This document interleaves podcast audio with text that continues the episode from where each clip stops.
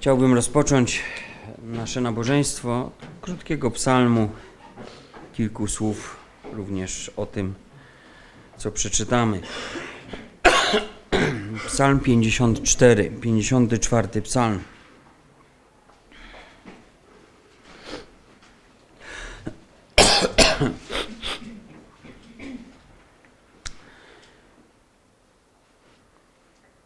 Pieśń pouczająca Dawida.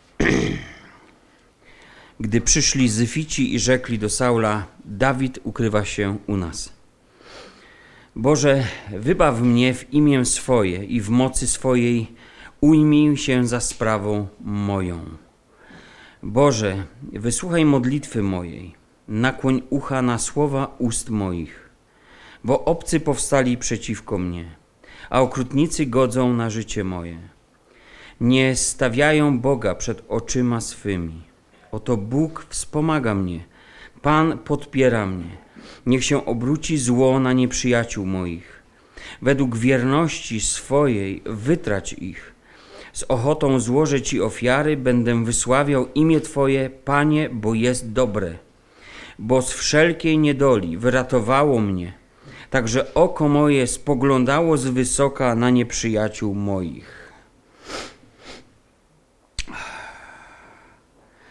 Dzisiaj, kiedy na polu walki ktoś ma przewagę, to znaczy, że ma tam wysoko gdzieś zawieszone oko w postaci jakiegoś drona, satelity i trwają przepychanki w tym świecie, e, gdyż powszechnie wiadomo na polu walki, że kto więcej widzi, ten ma przewagę. Kto więcej widzi? Ten, kto zdradza, czy ten, kto jest zdradzony? Zdrada jedno z najbardziej gorzkich słów Biblii. Zdradzie towarzyszy zaskoczenie, rozczarowanie, przykrość. Ktoś, komu zaufaliśmy, cios, wystawił nas na cios, albo sam nóż wbił, jak to mówimy, w plecy. Pustynia Zyf ona ma swojego wielkiego bohatera i ma antybohaterów. Tam właśnie na niedostępnych górskich rozpadlinach, wąwozach ciągnących się i wyjących po pustyni aż do Engedi, czyli tam, gdzie Dawid się ukrywał, tam właśnie Jonatan, syn Saula, zawarł z Dawidem przymierze głębokiej przyjaźni. Tam oddawał, tam dodawał Dawidowi otuchy, czytamy otuchy w Bogu. Tam mówił: Nie bój się, gdyż nie dosięgnie cię ręka Saula mojego ojca.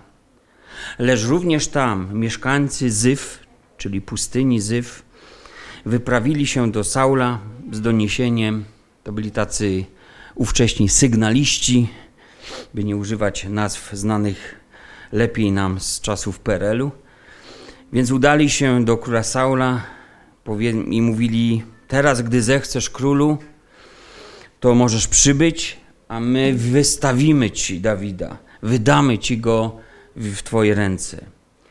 Saul oczywiście ucieszony odprawił ich, mówiąc: Błogosławieni jesteście przez Boga. No bo wiecie, wszyscy jak coś robią, to myślą, że Bóg za tym stoi. Idźcie więc, mówi, pilnujcie nadal go, dowiedzcie się, wypatrzcie wszystkiego, każdego miejsca, gdzie stąpa jego noga, czego tam czasem nie widziano. Powiedzcie później. Zobaczcie, czy nie knuje jakiegoś nowego podstępu. Wypatrzcie go, dowiedzcie się o wszystkich jego kryjówkach, w których mógłby się schować, a ja przybędę. I spróbujmy na chwilę się zatrzymać w tej historii, bo ona ma swój, swoje zakończenie. Na tym samym miejscu czytamy o głębokiej przyjaźni, przyjaźni, która nigdy nie zawiodła, i czytamy o zdradzie. Więc czytamy o dwóch obliczach człowieka. Zdrada z języka greckiego, Nowy Testament, hipokryzis, czyli potocznie hipokryzja, dosłownie Oznaczało to udawanie kogoś, kim się nie jest, pozorowanie dobra, chociaż zamyślało się zło. Można zdradzać na różne sposoby i w różnych konfiguracjach. Brat brata, siostra siostrę, sąsiad sąsiada, domownik domownika, ojciec syna, syn ojca, matkę, matka córkę, córka, mamę, małżonek, małżonka. Zdrada jest powszechnym zjawiskiem. Biblia mówi o języku zdradliwym, więc nie potrzeba bardzo wielkich czynów, potrzeba tylko mówić, mówić to, co się nie powinno mówić. A wyda na śmierć brat brata i ojciec syna i powstaną dzieci przeciwko rodzicom i przyprawią ich o śmierć, czytamy w Nowym Testamencie, słowa Jezusa. I będziecie w nienawiści u wszystkich dla imienia mego, a kto wytrwa do końca, ten będzie zbawiony. Straszne słowa, prawda? Ale one oznaczają, jaki los czeka ludzi wierzących w czasach ostatecznych. To będzie rzeczywistość. Rozłamy, które pójdą pęknięcia po domach, po krewnych, po relacjach rodzinnych. Ale Psalm 27 mnie zachęca, bo tam czytam: choćby ojciec i matka mnie opuścili, Pan jednak mnie przygarnie. Zdrada, wiecie, gorzko smakuje, bardzo trudno się znosi i człowiek chyba najbardziej rozpacza nad sobą. Nad sobą. Tak jakby nie potrafił sobie wybaczyć. Człowiek chyba w dużej mierze jest zawiedziony sobą, że popełnił tak wielki błąd. Może pasmo, może szereg, może wiele błędów. Że swoją duszę ulokował w niewłaściwych rękach. Z drugiej strony powiemy, no rodziny się nie wybiera, tak? Przyjaciela, małżonka, brata, może bardziej, ale mamę, tatę? Zyfici, Zyfici, ci mieszkańcy pustynnych terenów, byli poddanymi przyszłego króla. I wtedy już wszyscy wiedzieli, że pomazaniec ucieka przed Dawidem. Ten, którego Bóg namaścił na przyszłego następcę. A jednak mimo tego zdradzili. Ale jak zdradzili? Z jednej strony byli pomocni, no bo Dawid ze swoimi towarzyszami musieli gdzieś się stołować, musieli gdzieś mieć oparcie. Więc z jednej strony pomagali, a z drugiej strony zdradzali. I w księdze Samuela są oni symbolem ówczesnych obłudników, ludzi o dwóch twarzach. Psalm 54, ten czytany, wskazuje nam, skąd bierze się zdrada. Zobaczcie, nie stawiają Boga przed oczyma swymi nie stawiają Boga przed swoimi oczami. Gdyby Bóg im się objawił wtedy, kiedy powstały zamysły w ich sercach, wtedy zatrzymaliby się. Ale zdrada bierze się z braku bojaźni Pana. Człowiek nie stawia sobie go przed oczami. A Biblia uczy, że brak, że brak bojaźni Pana bierze się z pychy, a pycha pochodzi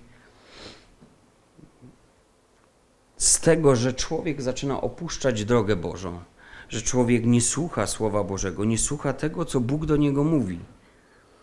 A więc jest to taka ścieżka, powolna ścieżka, ale która wiedzie na zatracenie. Nie stawiają Boga przed oczami swymi. I Dawid modli się. I, z, I on jest czegoś pewny. Oto Bóg wspomaga mnie, mówi: Pan podpiera mnie. W Bogu ma cały czas swoją nadzieję. I co się stało?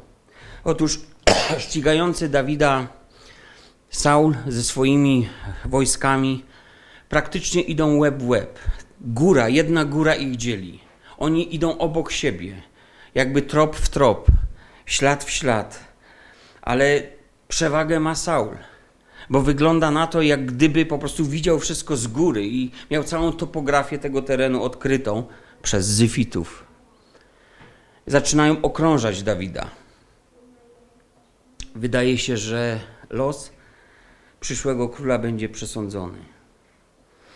I wtedy niech się obróci zło na nieprzyjaciół moich. wiecie, co się stało? Nagle przychodzą wieści do króla Saula. Królu Saulu, ratuj. Filistyni napadli nasz kraj. Musisz natychmiast wracać. Musisz stanąć. Musimy odeprzeć wroga. Przyszło coś strasznego. Dawid to nic, to pyłek w porównaniu z tym, co przyszło. Nie uganiaj się więcej po tych rozpadlinach za tym jednym biedakiem. Chodź, stań z nami, ruszmy do boju. Można by tak sobie wyobrazić po prostu tą całą sytuację. Co powiemy? Opatrzność Boga. Opatrzność Boga obraca zamysły zdrajców w nicość. Bóg obraca w nicość zamysły takie. Nawet wydawać by się mogło najsłodsza zdrada Judasza została zamieniona w ogromne zwycięstwo. Przekuta na coś, co by w ogóle w głowie się nie zmieściło człowiekowi. Ale to jest dowód. Jest to dowodem ostatecznym na to, że Bóg swoich, nawet zdradzonych, opuszczonych, nie pozostawia. Nie porzucę cię ani nie opuszczę. Czasem tylko w swojej goryczy trzeba dobrze się rozejrzeć i dobrze coś zauważyć, powiązać ze sobą pewne zdarzenia, pewne fakty, pewne okoliczności, by dostrzec, że Bóg gardzi zdradzą, zdradą, lecz wspiera zdradzonych. Dawid składa więc ogromne dziękczynienie. Może ten psalm powstawał, że taką linijka po linijce, jak dzień po dniu z ochotą złożę Ci ofiary. Będę wysławiał imię Twoje, Panie, bo jest dobre. Bo jest dobre. Z wszelkiej niedoli wyratowało mnie imię Twoje. Czy w imieniu Jezus macie dzisiaj to poczucie wybawienia? To tą świadomość tego, że oko Jego spogląda z wysoka i widzi również nieprzyjaciół Waszych. Mam tu na myśli w tym momencie wszelkie przeciwności, wszystkich, nawet takich ludzi, którzy mogliby, jak to w czasach ostatecznych czytamy, zdradzić mnie, ciebie, co będzie gorzko bolało. Kto widzi z wysoka, ten ma przewagę.